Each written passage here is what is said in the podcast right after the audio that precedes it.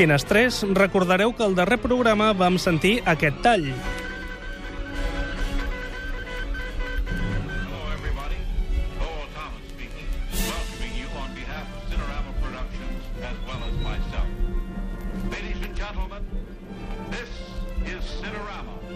Efectivament, This is Cinerama, un dels films de Marian C. Cooper i Ernest B. Schoutzak que s'han recuperat a la retrospectiva que el Festival de Sant Sebastià els ha dedicat. Van ser uns grans pioners en molts aspectes, però, sens dubte, sempre seran recordats per haver donat vida a una de les més grans icones de la cultura contemporània. Señoras y caballeros, King Kong, la octava maravilla del mundo. Amb aquesta excusa i que King Kong és també la imatge promocional del Festival de Sitges que ja s'apropa, avui li dediquem aquest gran clàssic La dada de la finestra.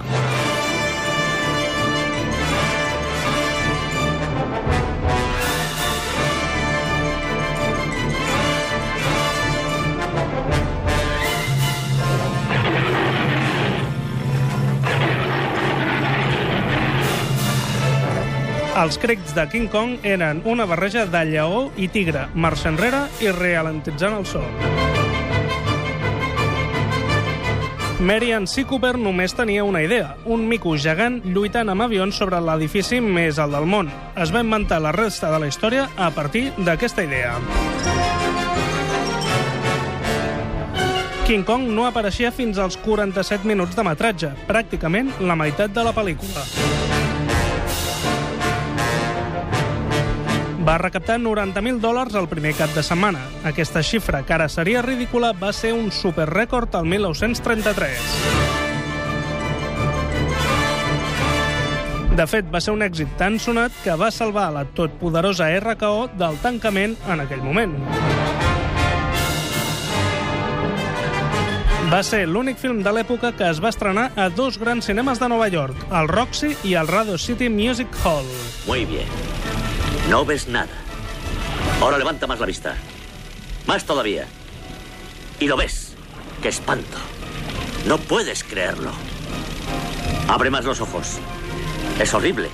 Pero no puedes dejar de mirarlo. Estás perdida. No puedes escapar. Marian C. Cooper necessitava explicar-li a Fike Ray què s'havia d'imaginar que tenia al davant. Li va dir que tindria davant l'home més alt i obscur de Hollywood. Ella va pensar que seria Cary Grant.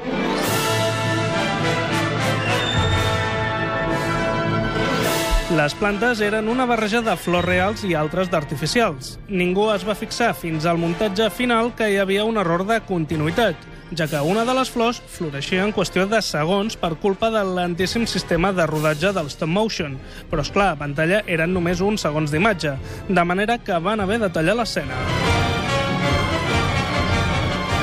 Els pilots d'avió de l'escena final van cobrar 10 dòlars cadascun. Els directors Marian C. Cooper i Ernest Schoutzak feien lluita lliure, de manera que van recrear l'escena de baralla entre King Kong i el tiranosaure off the record perquè els tècnics aprenguessin els moviments. Novament, el director Marian C. Cooper i l'actor protagonista Robert Armstrong, que feia de Carl Denham, van morir amb només un dia de diferència, 20 i 21 d'abril de 1973. La figura de 56 centímetres que es va utilitzar a la pel·lícula va ser subestada el 2009 i es van pagar més de 20.000 dòlars. També es va subestar el Triceratops que atacava els aventurers en una de les escenes. Sabeu qui el va comprar? Peter Jackson, director de la versió del 2005. Van necessitar 13 carrets per rodar la pel·lícula. Marian Cooper es negava a tenir el número de la mala sort, de manera que es va rodar una escena extra només per arribar als 14. De totes maneres, era una escena que a ell li encantava i que havien descartat en un principi, la de King Kong atacant un tren a un pas elevat. El Laserdisc d'aquesta pel·lícula incluïa el primer audiocomentari que s'ha fet mai, un film pioner en molts aspectes, vaja.